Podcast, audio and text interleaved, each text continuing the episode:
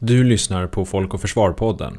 Folk och Försvar bidrar till att Sveriges säkerhet ska vara hela folkets angelägenhet.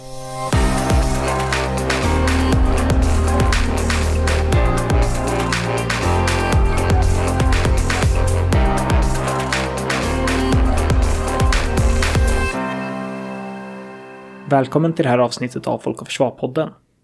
Jag heter Henrik Svenningsson och är vikarierande försvarspolitisk programansvarig här på Folk och Försvar.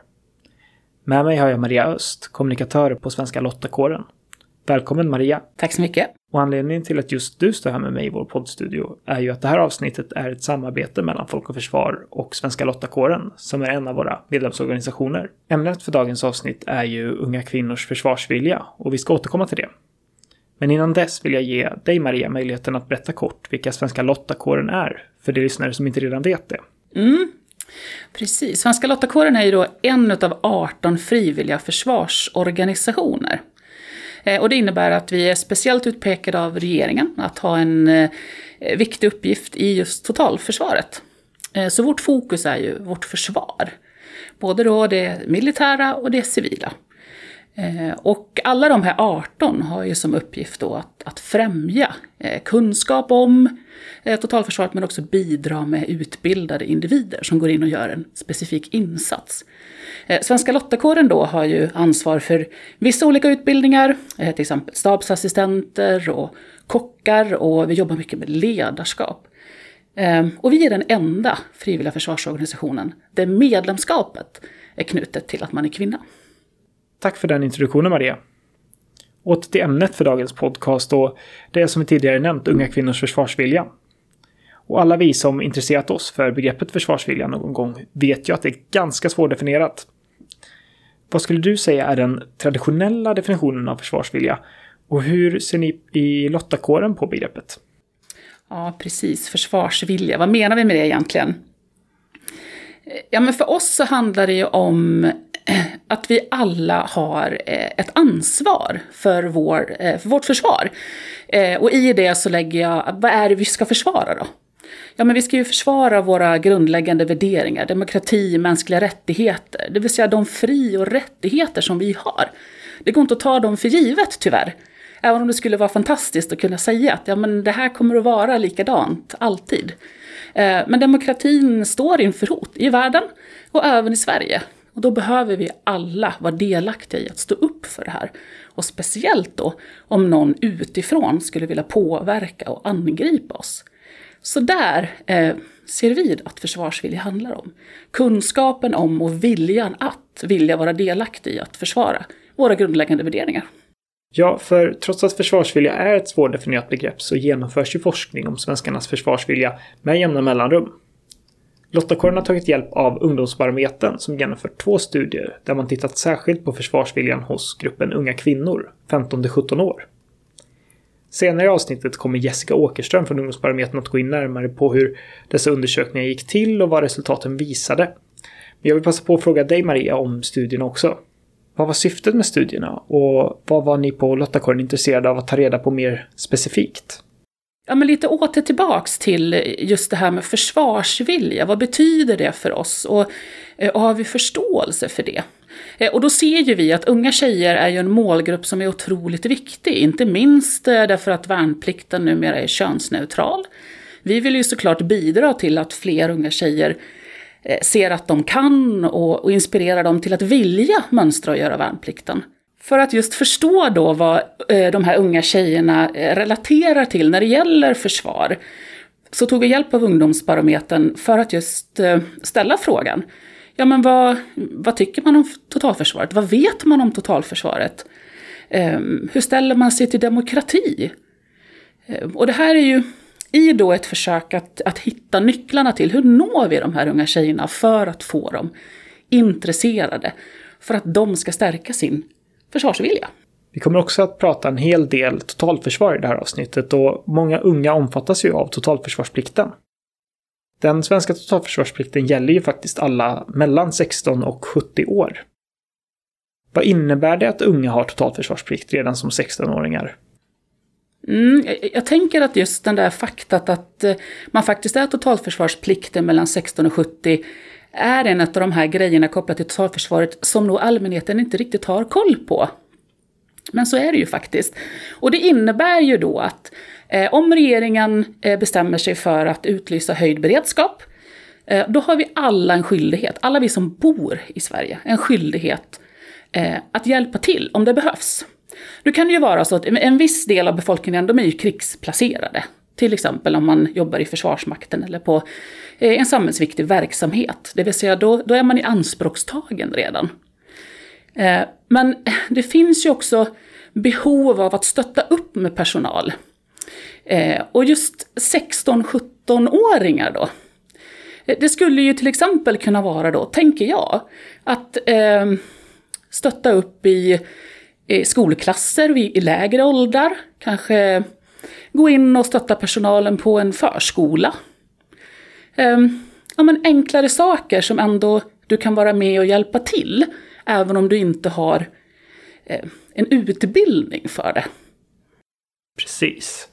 Och ja, vapen är ju uteslutet att sätta in någon, någon som är under 18 eh, i händerna på dem. Ja, men det viktigaste budskapet är ju någonstans här att vi har alla ett ansvar i totalförsvaret. Eh, och det är ju därför vi som är medlemmar i de frivilliga försvarsorganisationerna har valt att utbilda oss för. Vi vet, eh, många utav oss eh, som då har tecknat ett avtal med Försvarsmakten eller en civil myndighet, vad vi ska göra i händelse av höjd beredskap. Vi är utbildade och övade för det. Så ehm, det är ju ett sätt att ta sitt ansvar. Du nämnde tidigare att just totalförsvarskunskaperna kan vara bristfälliga i samhället i stort.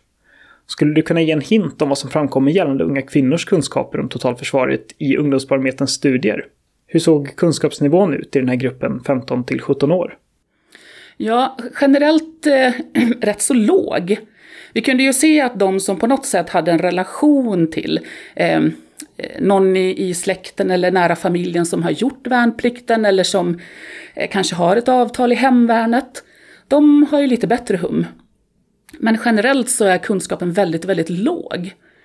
Um, och vi frågade ju också då kopplat till ja, men demokrati.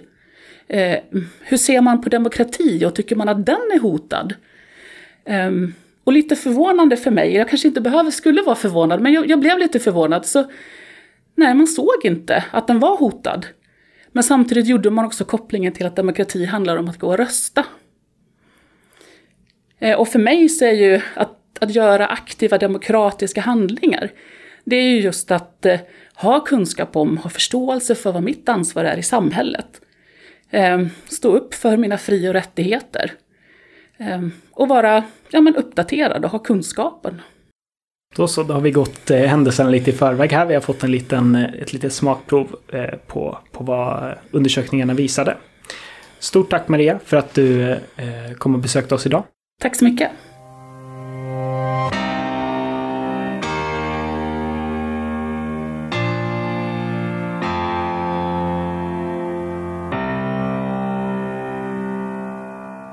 Har vi med oss eh, Jessica Åkerström, eh, analyschef på Ungdomsbarometern här i Folk och Försvarpodden. Välkommen! Tack så jättemycket! Jättekul att du är här. Eh, skulle du kunna berätta lite kort vad Ungdomsbarometern är och hur ni har genomfört de här kvantitativa och kvalitativa studierna för Lottakåren med fokus på unga kvinnors försvarsvilja? Mm. Absolut. Eh, ungdomsbarometern, eh, vi är ju ett analysföretag eh, och vi är nog Sveriges största när det kommer till att ta reda på vad just unga tycker, tänker och gör. Eh, vi gör ju dels årligen en, en jättebjässestudie med 18 000 unga eh, där vi tittar på, på stort som smått och ganska många olika ämnen. Eh, men sen gör vi också en hel del eh, saker på uppdrag av våra samarbetspartners och uppdragsgivare som Lottakåren till exempel. Ehm, och just samarbetet med Lottakåren är något som vi har haft under ganska lång tid nu, ett jättespännande, roligt samarbete eh, där vi just som du nämnde har tittat lite särskilt på unga tjejers försvarsvilja med fokus på just 15 till 17-åringar.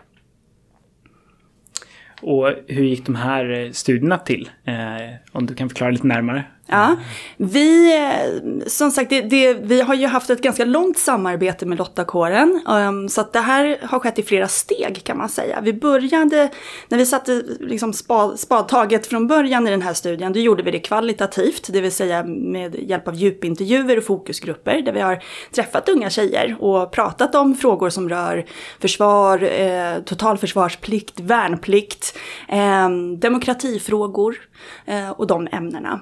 Sen i nästa skede så har vi gått ut och gjort en lite mer kvantitativ ansats där vi alltså har på, på bredare front så att säga intervjuat eh, lite fler för att kunna se hur utbredda olika attityder är och eh, hur viktigt eller oviktigt olika tendenser som vi fångade upp i första skedet är. Eh, och vitsen med det är ju att vi får både djup och bredd. Vi kan svara både på hur det ser ut i siffror men också varför. Hur är synen på det svenska försvaret i stort och hur ser gruppen unga kvinnor på att mönstra och göra värnplikt? Vilka är anledningarna till att den vill eller inte vill göra värnplikt? Om vi börjar med bilden av försvaret så kan man ju konstatera att just i den här gruppen tjejer, 15 till 17 år, då är det ju så många som 8 av 10 som tycker att det är ganska eller mycket viktigt att vi har ett försvar till att börja med. Så att det är en väldigt positiv siffra. Eh, Däremot om vi då tittar på, på värnplikt och mönstring, där finns det också positiva tendenser, men en ganska stor kunskapslucka. Det är många som upplever att bilden av vad mönstring och värnplikt är för någonting när man är i de här åldrarna, eh, det är en ganska otydlig bild. Så där finns det mer att göra för att få fler eh, tjejer i den här åldern att få, få bättre grepp om vad det innebär när vi ändå då har resonerat kring det, då kan vi säga att det som triggar, det är eh, ofta sprunget ur individuella drivkrafter, alltså att jag som person vill utvecklas eller utmanas, eh, eller att man vill finna gemenskap, träffa nya kompisar kan också vara en sån sak som man plockar upp. Eh, och förstås också ett, ett parallellt spår som handlar om det här att, att vara behövd och hjälpa till och göra en insats. Vad har gruppen för kunskaper om totalförsvaret? Upplever de att de kan engagera sig i totalförsvaret utöver att mönstra och göra värnplikt? Till exempel genom att engagera sig i krisberedskapen. Kunskapen är ganska låg när det kommer till totalförsvaret. I de här gruppdiskussionerna till exempel och djupintervjuerna, då tog det ganska lång tid in i resonemanget eh, innan, innan flera av dem kom fram till vad, vad det skulle kunna vara. Så att det var få i, i, i det skedet som spontant kunde liksom kläcka ur sig vad, vad totalförsvar är för någonting. Även om man rent eh, med förnuft kan resonera sig fram till vad det kunde innebära. Till exempel att det finns en, en mer civil del av det hela. Ehm, vi har ju siffror på det här också där vi har tittat på hur många som till exempel känner till totalförsvarsplikt. Ehm, och de siffrorna var ju inte superhöga så där finns det också eh, mer att, ehm, att, att lära.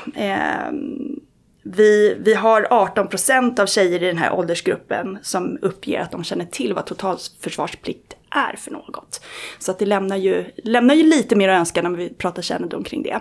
Men sen krisberedskap, det, det är väl lite samma sak där. Vi kan, kunde konstatera att eh, pandemin bidrog, bidrog till att man fick lite mer att relatera till när det gäller vikten av krisberedskap. Eh, och det är ungefär tre av tio i den här åldersgruppen som har pratat kring krisberedskap hemma. Eh, så det, det, finns där, men jag skulle inte säga att, att kunskapen är, är liksom, det, det, finns mer att göra när det gäller kunskap kring de här frågorna, absolut. Mm. Men ni kunde ändå se någonting när det kom till uh, att det pågick en kris, att uh, det kunde bidra till att, till att uh, intresset och kunskaperna ökade lite grann i alla fall. Eller? Absolut, det skulle jag säga. Och det, det handlar mycket om det, det jag sa med relaterbarhet. Att, att från från att diskutera kring att behovet känns ganska långt bort, man får associationer som direkt för kopplingarna till, till krig och konflikter. Och då ska nämnas att det här gjordes ju i ett annat läge än vad vi befinner oss i precis nu när det här spelas in med Ryssland och, och Ukraina.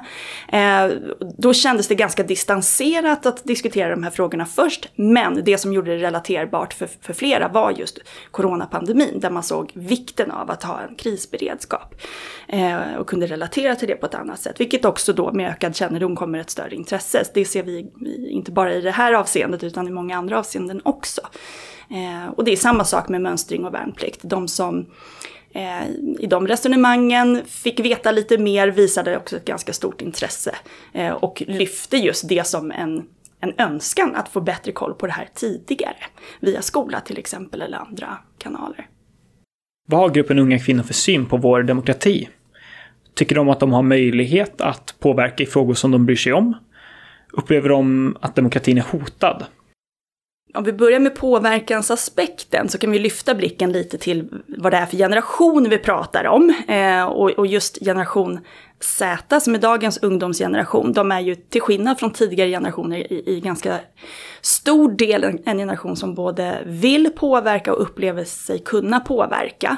Även om vi har sett vissa förändringar under pandemitiden, att ja, men, beroende på viss oro och annat så, så är det ju så att man eh, kanske inte är lika säker på sin möjlighet att påverka i stort. Men att man vill påverka, det, det är uppenbart. Eh, de är engagerade på det viset, även om engagemanget ofta tar sig uttryck kanske i fler former än det traditionella föreningsengagemanget och liknande.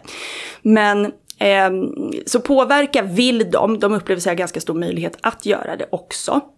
När det gäller demokratifrågan, där är det som jag nämnde ganska abstrakt, eh, även i det här samtalet med dem om, om demokrati.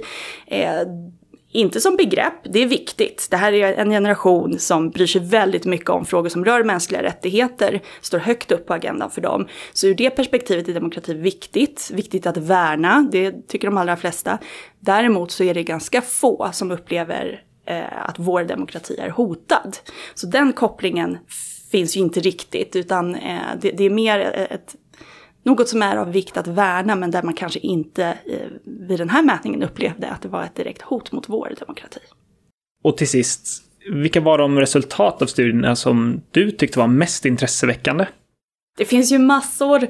Ehm, det, är ju, det, här är ju det svåraste när man ska hitta någon sån eh, en, enskild sak. Men, men ska jag lyfta något så tycker jag trots allt att relaterbarheten som vi har varit inne på är ganska spännande. Alltså vikten av att kunna sätta det i en egen kontext får man aldrig glömma.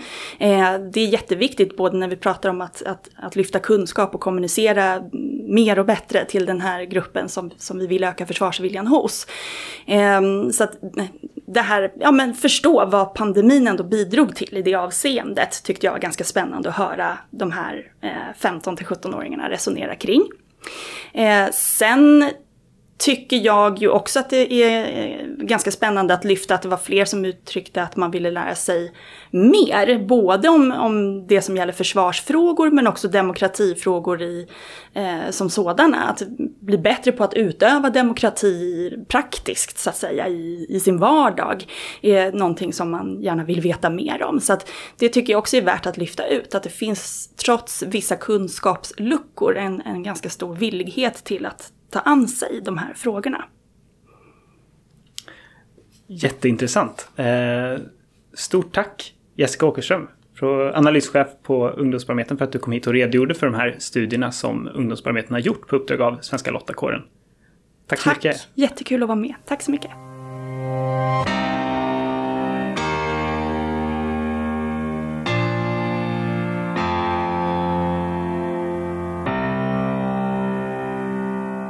Louise Olsson är en välmeriterad forskare vid PRIO, Peace Research Institute Oslo.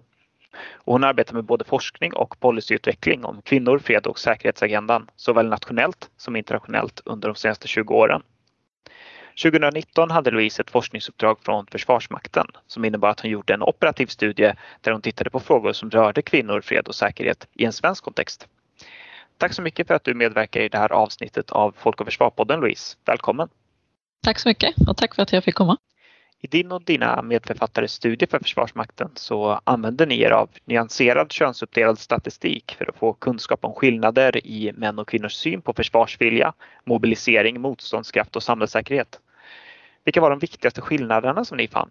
Ja, alltså jag tror att man kan säga så här att precis som vi nu tyvärr ser i Ukraina så kan ju alla i ett land drabbas när det blir krig eller en allvarlig kris.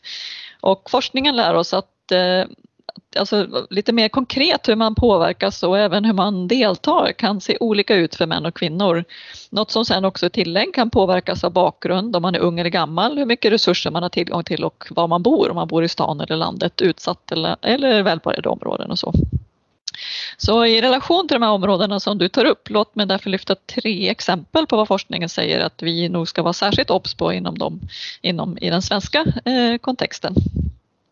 För det första så kan det finnas skillnader i kunskap om krig och kris mellan män och kvinnor som i sin tur då kan resultera i skillnader i möjlighet att både kunna påverka beslut och att klara sig om någonting väl händer. Så att ett land tänker igenom informationsspridning och ser till att öka möjligheten för olika grupper att vara med i diskussionen, till exempel av utformandet av nationell säkerhet, är väldigt viktig, inklusive då för just försvarsviljefrågan. Eh, och det här är också väldigt mycket i linje med Sveriges politik som säger att män och kvinnor ska ha samma möjlighet att påverka samhället och sina egna liv. Och vi vet ju här att till exempel många unga kvinnor är väldigt engagerade i fred och säkerhetsfrågor så det är väldigt viktigt att man så att säga, bygger på, på det intresset och den kunskapen i, i det arbetet. Ett annat exempel eh, som kanske då ännu mer rör frågor kring mobilisering det är att det finns skillnader i hur olika grupper kan bidra om de då väljer så att, säga, att, att delta. Och för det första så har Sverige här en rätt könsuppdelad arbetsmarknad. Det vill säga kvinnor och män tenderar att dominera inom olika sektorer på arbetsmarknaden. Så det här kan det också finnas stereotyper och attityder som påverkar vem som kan delta vad, men också vad som räknas som en viktig insats. Och det här är det viktiga eh, frågor att, att fortsätta tänka på. För det andra så har vi en jämställdhet i Sverige som kanske delvis är artificiell. Och vad menar jag med det? Jo, att statistik pekar på att kvinnor fortfarande tar betydligt mer ansvar i hemmet. Eh, och det är då beroende av att eh, kommunens barnomsorg och äldreomsorg upprätthålls. Men vad händer då i en allvarlig kris eller gud förbjude ett krig där det här fallerar? Får vi då en situation där många måste välja mellan att ta hand om samhället och ta hand om familjen? Och vad innebär det för Sverige som har en relativt liten befolkning om, eh, och för vår motståndskraft om vi då tappar en del av vår arbetskapacitet samlat? Tredje frågan rör eh, befolkningssäkerhet. Män och kvinnor, särskilt unga män och kvinnor, har delvis olika syn på sin säkerhet och de är också utsatta för olika typer av våld och eh, risker. Och det här kan ju liksom resultera i att de då kommer att reagera på lite olika sätt vid en situation där de måste söka skydd eller att de måste fly. Och för att förstå hur samhället då kan minska risker och bidra till effektiv evakuering så är det då viktigt att man förstår den här typen av skillnader. Så det är liksom den typen av frågor som vi diskuterar i studien. Vad, vad, hur kan vi skapa den här nyanserade förståelsen av samhället och, och hur olika grupper kommer att, att påverkas och även kan bidra eh, om det blir allvar. I studien så bygger en hel del rekommendationer på FNs resolutioner om kvinnor, fred och säkerhet. Hur kan dessa i större utsträckning appliceras i en svensk kontext? Och vad tror du att vinsterna med detta kan vara? Mm. Ja, det är en väldigt bra fråga och det var faktiskt en fråga som när jag väl började undersöka den här, jag tror jag hade underskattat hur pass komplext det ändå var att översätta de här internationella normerna till Sverige. Så, så, för att svara på den frågan på ett bra sätt, låt mig börja lite grann med att säga vad är då FNs resolutioner om kvinnor, fred och säkerhet? Den här första resolutionen som antogs 2000 och, och, och, fram till idag byggde på det faktum att kvinnors röster och säkerhet faktiskt inte tidigare hade räknats i, i, i konflikt och konfliktlösning. Så de här resolutionerna slår fast att, att grundat på kvinnoorganisationer och kvinnors erfarenheter världen över från många, många olika typer av konfliktområden eh, den, liksom, den visar på att vi måste tydliggöra kvinnors situation, säkerhet och arbete när vi bygger eh, och formar beslut om, eh, om nationell säkerhet. Så det är två komponenter kan man säga de här eh, resolutionerna eller kvinnofred och säkerhet som, som ibland rörs ihop men som jag tror då hjälper till att besvara den här frågan om vad vinsten är med att, att tänka på kvinnofred och säkerhet i Sverige. För det första så finns det ett behov, säger resolutionerna, av att tillse att kvinnor från olika bakgrund är med i diskussionen om hur nationell säkerhet ska utformas. Så vilken form av nationell säkerhet vill vi faktiskt ha och vilka frågor och vilka områden är det som är viktigt att det omfattas i en nationell säkerhetsstrategi. Och vinsten med det är ju att vi får en ännu starkare demokratisk debatt och att vi ökar legitimiteten ytterligare för de beslut som då fattas om Sveriges nationella säkerhet. Och det här går ju också till försvarsvilja och, och intresse och, och, att kunna eh, bidra. Den andra komponenten av kvinnofred och säkerhet det rör hanteringen av de praktiska problem som vi nyss diskuterade om deltagande och, och befolkningssäkerhet och så. Och vinsten med att få med den komponenten är ju att vi får en ännu djupare förståelse av hur en konflikt eller en allvarlig kris då kan utspela sig här. Och att vi innan, eh, innan det här uppstår hinner vässa våra verktyg och, och, och vår förmåga att kunna då hantera sådana risker och sårbarheter på, på ett bra sätt. Och ett sista skäl eller vinst tror jag också är att, att Sverige har ju då tidigare, om man tittar på våran eh, policies, har tittat på kvinnofred och säkerhet i våra internationella insatser i första hand. Eh, och jag tror att det senaste försvarsbeslutet är ett bra exempel på det, när man, man talar om kvinnofred och säkerhet men främst då eh, internationellt. Och ett lands utrikes och säkerhetspolitik bedöms ju delvis efter hur det faktiskt också reflekterar politiken hemma. Så för det blir liksom mindre trovärdigt om ett land som säger sig främja de här frågorna internationellt inte har ett tydligt och explicit eh, tänk kring de frågorna också eh, nationellt. Vilka är de största nackdelarna med ett totalförsvar som inte är jämställt och hur kan vi arbeta för att öka jämställdheten i totalförsvaret? Ja, alltså jag, nu är jag ju forskare så att det här med begrepp är ju väldigt centrala frågor och jag, jag, tror faktiskt att här vore det bra för oss allesammans att vi funderar igenom lite vad vi menar med jämställdhet. För forskningen lär oss att jämställdhet är ett väldigt brett och ganska komplext eh, fenomen som vi kanske ibland tenderar att prata om lite alldeles för enkelt. Och, och det vi gör eh, är att vi också ibland pratar om det som att det främst har med attityder att göra. Och det har det ju definitivt till del. Men jämställdhet och könsroller handlar kanske i ännu större utsträckning om hur ett samhälle är organiserat, vem som har resurser, vem som räknas och vem som kan påverka vad. Så att öka jämställdheten handlar därför om att stärka en organisation eller ett samhälle. Alltså en investering i alla, att man ser till att man har ett brett deltagande, att många kan bidra, att det är många röster i debatten och att det är många analyser som görs om vad som är viktigt och hur, hur vi ska utveckla det här. Vilket då jämställdhet eh, konkret bidrar med. Eh, det är ju liksom en styrka så det är väl liksom en, en, en det man då förlorar är naturligtvis det, alla de så att säga att man behåller sårbarheter och risker och, och kapitaliserar inte på de möjligheter som man har om man inte ser det här. För andra så eh, säger forskningen också, vilket jag tror är väldigt viktigt att trycka på här, att jämställdhet är faktiskt ett relationellt begrepp. Alltså det handlar om hur vi behandlar varandra, hur män och kvinnor behandlar varandra och hur vi behandlar olika grupper. Och det finns forskning som visar på att jämställdhet är liksom en grundläggande eh, norm i, i att, att, ha en, en öppen och, och, och liksom inkluderande eh, attityd. Det är liksom en väldigt viktig roll för ett samhälle. Och, så det är ju inte så att säga, som vi ibland behandlar den som en kvinnofråga eller någonting som kvinnor kan lösa utan det här är någonting som, som berör alla. Eh, och jämställdhet är idag, om man tittar i vissa attitydundersökningar, också en väldigt viktig norm för många unga och särskilt för unga kvinnor. Så att det är en, en norm som är väldigt central för våra samhälle. Och det är också något som blir mer och mer ifrågasatt internationellt. Så det är faktiskt någonting som vi kommer kanske att både försvara och kämpa för att bevara. Så jag tror att om jag, om jag börjar eh, gå tillbaka till det här som vi ser i Ukraina igen, alltså att händer det något så drabbas alla och alla kommer att kunna bidra. Så att, att inte ha jämställdhet med i den diskussionen gör ju att vi, vi behåller sårbarheter och att vi kanske också gör antaganden om hur en allvarlig kris eller krig skulle se ut här som sen inte visar sig eh, vara baserade på fakta eller att vi inte har de underlag som vi faktiskt behöver. Och om man då pratar om kunskap om totalförsvaret som en, som en, som en resurs eh, som, som kanske då skulle kunna tänkas vara ojämnt fördelad. Eh, vad kan man göra för att, för att öka kunskapen? Vi, vi pratar ofta om att kunskap är makt. Eh, vad kan man göra för, för att öka kunskapen om totalförsvaret eh, just, hos just kvinnor?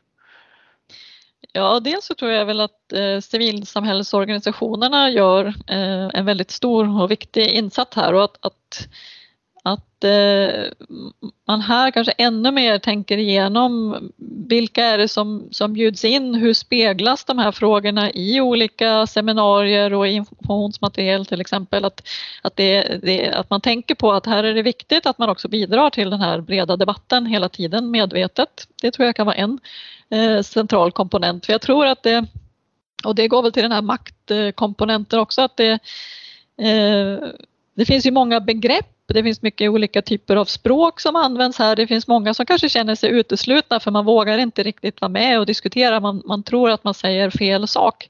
Eh, jag har till exempel många journalister som nu blir hackade på att de säger material istället för materiel när de pratar om krigsmateriel till exempel. Det är en ganska typisk sån fråga som, som kan göra att folk eh, tvekar lite och särskilt då kvinnor om man känner att man har lite mindre kunskap till att börja med Eh, kan vara tveksamma till att ge sig med i en sån debatt. Så hur, hur pratar vi med varandra och hur, hur har vi liksom en öppen dialog eh, är centralt. Sen tror jag väl i, i den typen av, av, eh, material som produceras för information till befolkningen som den här om kriset eller kriget kommer som gick ut det är kanske också någonting som man kan använda för att, att uppmuntra till vidare diskussion. Men det är ju en, en eh, jag tror vi ska vara medvetna om att även i ett jämställt land som Sverige så finns det kanske fortfarande en del stereotypa antaganden och, och attityder här som, som kan vara exkluderande och som vi verkligen måste alla jobba på att, att se till att, att både kvinnor och män är med i debatten. Tack så mycket Louise Olsson, eh, forskare vid Prio, för att du eh, ville medverka i Folk och Försvar-podden. Tack så mycket Henrik.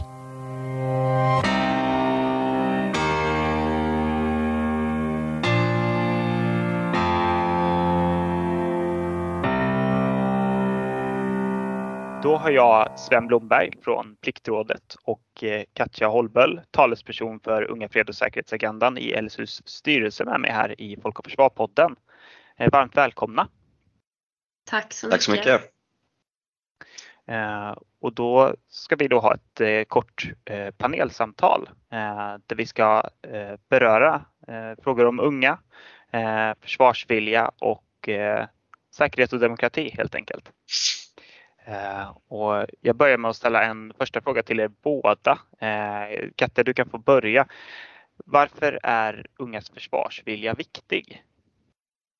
Eh, för att svara på den frågan skulle jag vilja börja med att belysa att hälften av världens befolkning i dagsläget är under 30 år. Många av dem lever i konfliktdrabbade länder. Dagens unga generation globalt är den största genom tiderna och eh, vi har en resolution som antogs år 2015, resolutionen 2250, som just tar fasta på att majoriteten av de som befinner sig i väpnade konflikter är unga och därför måste även unga vara en del utav lösningen. Och resolutionerna som finns på detta ämnet erkänner unga som nyckelaktörer i fredsprocesser. Och det är en viktig markör mot de länderna där ungas organisering annars kan ses som ett hot eller en grogrund för extremism som motverkar statens makt. Eh, enligt LSU så måste unga ses som aktörer som själva bör få möjligheten att formulera sina behov och åsikter. Och även att ungas deltagande är meningsfullt i alla nivåer av beslutsfattande processer. Så när det kommer till begreppet perspektiv på unga och ungas perspektiv så syftar det således inte bara på unga som målgrupp men även att eh, lyfta upp ungas egna behov och åsikter.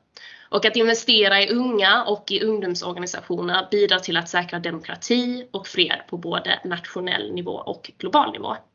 Så det tycker jag är en bra sammanfattning kring varför ungas försvarsvilja är viktigt. Sven, vad, vad, vad säger du? Försvarsviljan bland de unga är väldigt viktig. Eh, vi ser ju att det är, det är ju ungdomarna som kommer bilda framtidens försvar. Eh, vi ser ju också att majoriteten av de som gör sin värnplikt är unga under eh, 25. Det är de som bygger i alla fall det svenska försvaret från grunden. Nu. Tack så mycket. Ehm, jag tänkte gå vidare med ytterligare en fråga till er, till er båda två. Ehm, för unga idag har ju möjligheten att engagera sig i allt från idrottsföreningar till politiska ungdomsförbund. Hur uppmuntrar man då unga att, som har så mycket annat på, på, på agendan i sitt liv att engagera sig för, för totalförsvaret och i totalförsvarsfrågor? Du kan få, få börja Sven. Ja, ehm, just i totalförsvaret om vi ska kolla vart det är som tydligast där du kan engagera dig i, i dagsläget, då är det att, att göra din, din grundutbildning med värnplikt så att säga. Eh, och där är ju någonting som eh, som olika myndigheter har, har ett jobb i att öka attraktiviteten i det här och det är någonting som både Försvarsmakten, eh, eller som specifikt Försvarsmakten ska vi säga, har sagt att de vill. De vill göra värnplikten till en attraktiv, ja men en attraktivt alternativ till eh, vidare studier eller till eh, annat jobb på civil marknad. Eh, och det här kan man göra på olika sätt. Det kan statushöjningar i form av högre ersättningar, ett bättre civilt meritvärde. Det finns mycket som eh, går att, att göra för att göra värnplikten mer attraktiv som utbildning. Och, och Katja, om vi tänker eh, utanför för värnplikten och engagemanget i totalförsvaret. Eh, vill du fylla på? Jo men absolut. Ehm, jag skulle vilja inleda med att säga att för LSU så är det väldigt grundläggande när det kommer till civilsamhällets engagemang att organisationerna själva får identifiera vem de är och vilka syften de finns till för. För vi har noterat i vårt arbete att kategorierna vi utgår från tycks aldrig täcka det enorma spektrum av verksamheter och intressen och frågor som innefattas av ungdomsrörelsen. För det är nämligen så att inom ungdomsrörelsen så samlas barn och unga med en mängd olika intressen, kompetenser och erfarenheter. Och på olika sätt genom sitt engagemang så bidrar man till den vardagliga demokratin, man bidrar till att stärka barn och ungas inflytande, meningsskapande och samhörighet. Eh, och LSU jobbar ju med frågor vad gäller just fred och säkerhet i andra aspekter än just totalförsvaret. Vi har ju FN-representanter, vi har ungdomsrepresentanter för Sverige som vi skickar till FN och EU och andra mellanstatliga organ. Vi stöttar landsråd och eh, ger unga makt i sin egen vardag och vi har internationella partnerskap med ungdomsorganisationer runt om i världen. Och för att nämna några så har vi Belarus, vi har i Kenya, Libanon och Myanmar. Så möjligheten att engagera sig skulle jag säga är nästintill oändlig. Men frågan egentligen är vad det finns för förutsättningar för engagemang. Och där finns det absolut möjlighet för förbättring. Tycker ni att unga hörs i debatten om försvar och säkerhet? Saknas vissa frågor som särskilt berör unga och vad kan man göra för att unga ska få större utrymme att uttrycka sin åsikt? Eh, dessvärre, och det tycker jag är ett massivt underkänt eh, betyg till oss allihopa, så inkluderas ju barn och unga inte i många dialoger om, om sakfrågor som berör deras eh, både nutid men även framtid. Ehm, och i, i denna diskussionen vad gäller totalförsvaret så tror jag att en central fråga som vi måste lyfta är hur vi kan förstå totalförsvaret, hur det uppfattas och hur det mäts. Ehm, Um, barn och unga ses inte som en naturlig sakkunnig grupp eh, att rådfråga när det kommer till totalförsvaret. Men unga själva har även uttryckt att de inte riktigt förstår vilken roll de själva kan ha för att bidra till totalförsvaret. Däremot så ser vi ju att barn och unga är extremt engagerade när det kommer till demokratifrågor. Det är över 700 000 barn och unga som är engagerade i Sverige i frågor som rör allt ifrån hbtq-rättigheter, funktionshinderfrågor, demokratifrågor, klimatfrågor. Så engagemanget är ju oändligt stort men vi ser ändå hur ungdomsrörelsen tvingas jobba med motvind varje dag för att eh, göra sin röst hörd och ta som en seriös partner i detta sammanhanget. Jätteintressant. Eh, jag tänkte bolla vidare till, till Sven där, för Katja nämner att eh, kunskapen om totalförsvaret kan ibland, unga kan uppleva att de inte har så stora kunskaper eh, i den frågan. Eh, och vi kunde bland annat se här i Ungdomsbarometerns undersökning att eh, den gruppen som undersöktes, unga, unga kvinnor 15 till 17 år, där var, där var kunskapen om totalförsvaret låg. Det var ungefär en av fem som hade hört om totalförsvarsplikten. Vad kan man göra för att öka Eh, kunskapen om totalförsvaret hos unga? Under eh, värnpliktskongressen som anordnades i april 2021 eh, så kom Sveriges värnpliktiga fram till att man vill se större utbildning i skolan gällande totalförsvaret. Eh, och då pratade vi mest om grundskolan när det gäller totalförsvarsfrågor eh, som sagt, totalförsvaret och totalförsvarsplikten är ju allmän för alla i Sverige mellan 16 och 70 år. Ehm, och därför, eftersom att också grundskolan är obligatorisk och en plikt att gå skolplikten, så känns det naturligt att det som du den skolan eh, som du måste gå i, där ska du också få reda på dina, dina eh, skyldigheter som sagt. Håller du med, med Sven här Katja, att, att, det, att skolan har en viktig roll i, i, i kunskapssökande, med kunskapssökande insatser? Absolut, jag tror absolut att skolan spelar en, eh, en stor roll i det hänseendet. Sen tror jag inte på att man ska detaljstyra innehållet eller detaljstyra vardagen för lärare.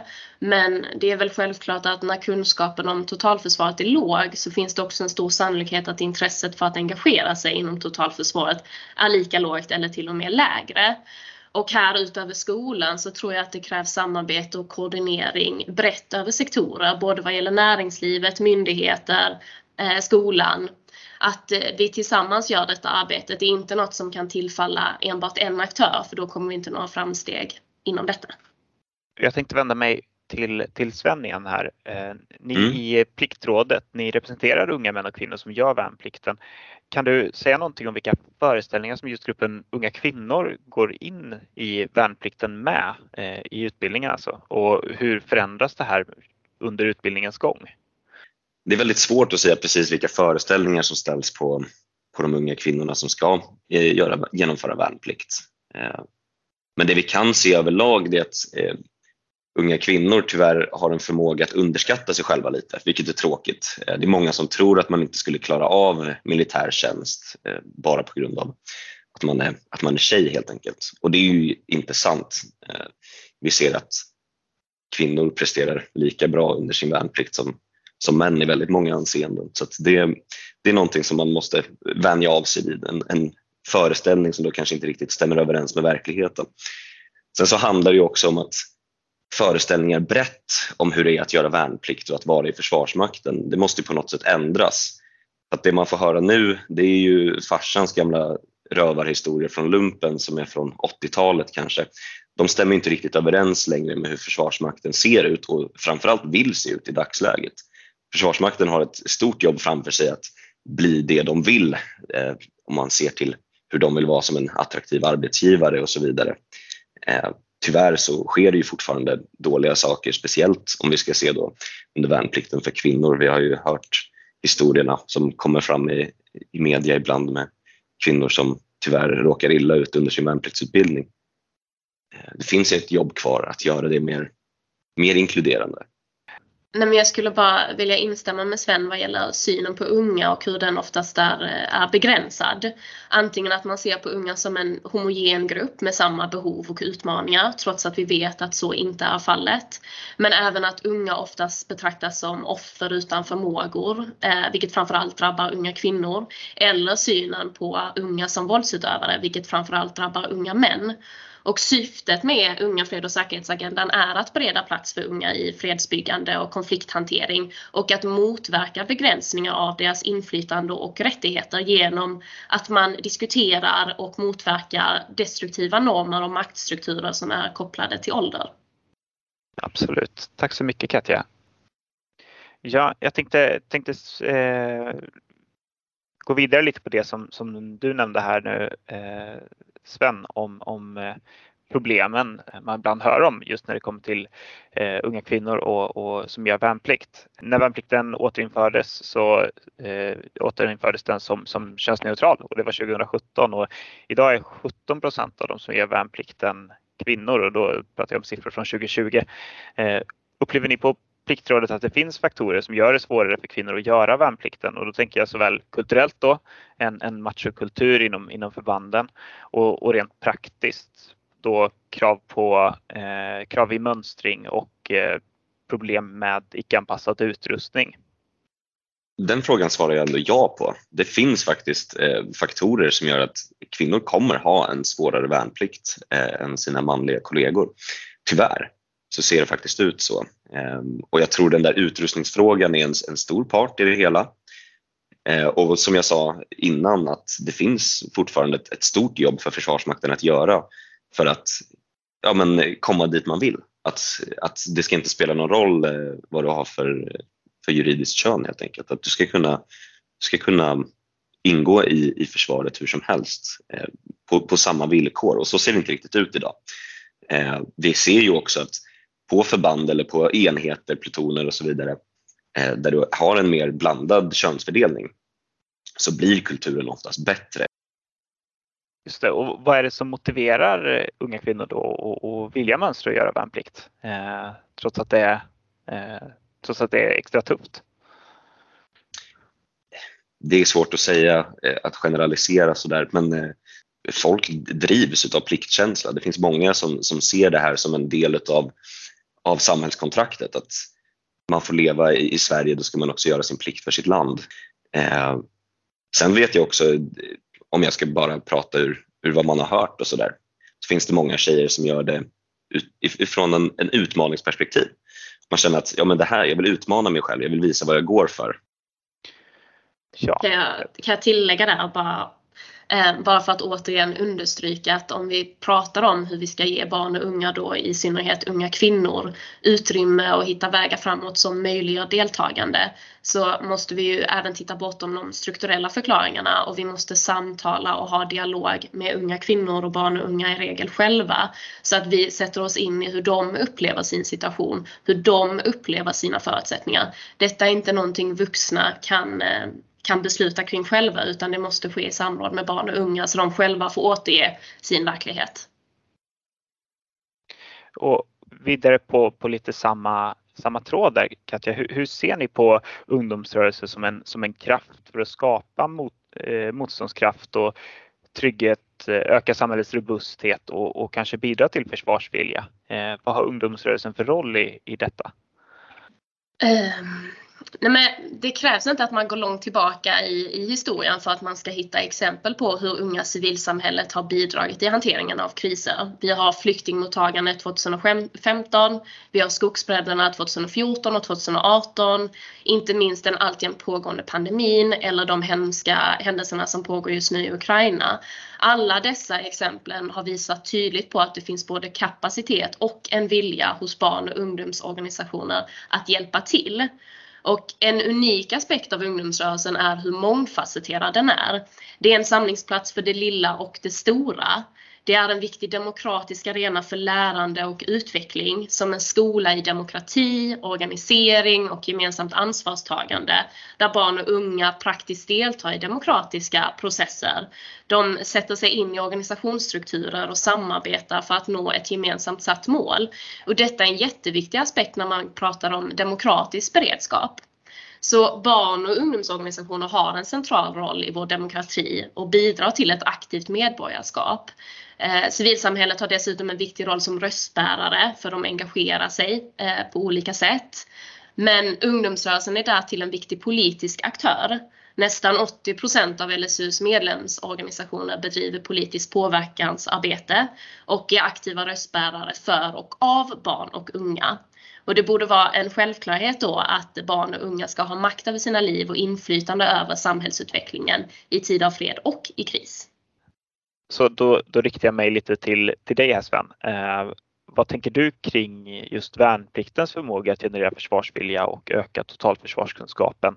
Skapas det till exempel en större medvetenhet kring frågorna bara genom att eh, gymnasieelever blir tvungna att svara på ett mönstringsunderlag? Eh, vilka samhällseffekter skapar eh, värnplikten eh, allt som allt? Det är klart att bara genom att du får det här mönstringsunderlaget så måste du ta en extra, en extra tänk eh, på vad, vad tänker jag kring sådana här frågor? Eh, när det mönstringsunderlaget trillar ner i brevlådan då, har, då får du en tankeställare. Här ska du svara på, på hur lämplig du är för att försvara ditt eget land och det är någonting som jag tror jag tror att många unga när de ställs inför de tankarna eh, kan bli lite, lite lite förvirrade och kanske inte riktigt förstår sin egen roll i det här. Och det är för att man, eh, som vi har pratat om tidigare här och som Katja har varit jättebra på att belysa, det är för att, för att, eh, att eh, unga sällan tas upp i de här diskussionerna utan, utan det är vuxna som ska, som ska förklara ungas, ungas roll i det här. Eh, men här är plötsligt, då blir du tvungen att tänka på det själv. Så det är klart att, att det ökar ju Eh, kunskapen, åtminstone i en, i en själv, att förstå vad det är man vill och så vidare. Och det, är, det är kopplat till försvarsvilja, också till, till kunskapen om att det här existerar. Ehm, och sen vilka samhällseffekter som värnplikten skapar allt som allt, det är svårare eh, just nu att svara på känner jag. Men, eh, jag tänker specifikt, liksom, tror, du, tror du att det bidrar till, till en, en större försvarsvilja? Eh, bara det att börja tänka de här, de här tankarna, liksom, att man, man börjar fundera lite själv kring vad, vad man vill vad man vill göra liksom, och vad man kan göra som, som ung för att bidra till eh, ja, men försvar och totalförsvar. Det tror jag absolut. Eh, jag tror också att hade man haft mer information på vilka olika sätt eh, som det går att engagera sig i det här så hade man på ett bättre sätt kunnat ta sig an till exempel ett mönstringsunderlag och veta om att jo, men eh, man kan gå in i, i hemvärnsorganisationer eller andra eh, frivilliga organisationer inom försvaret. Um, som kanske då inte blir att, det finns ju många unga som känner att nej men jag vill inte vara soldat.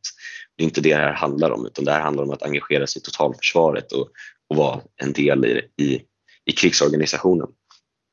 Eh, så hade det funnits lite mer information om vilka olika vägar man kan gå och, och speciellt nu om civilplikten skulle återinföras då har vi en ytterligare aspekt i hur unga kan engagera sig i totalförsvaret som vi måste ta i beaktning.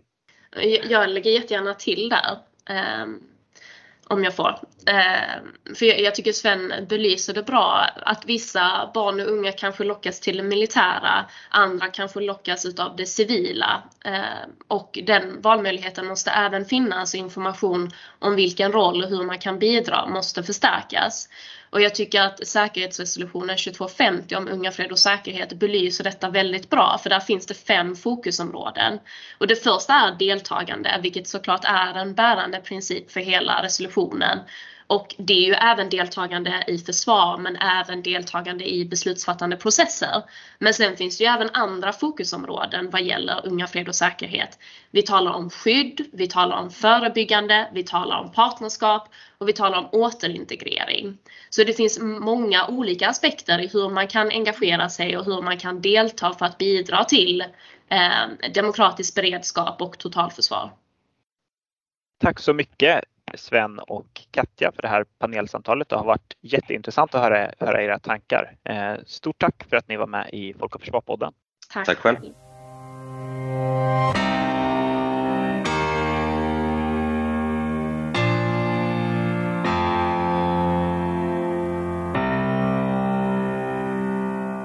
Du har lyssnat på Folk och Försvar-podden. Podden är skapad av Henrik Svenningsson.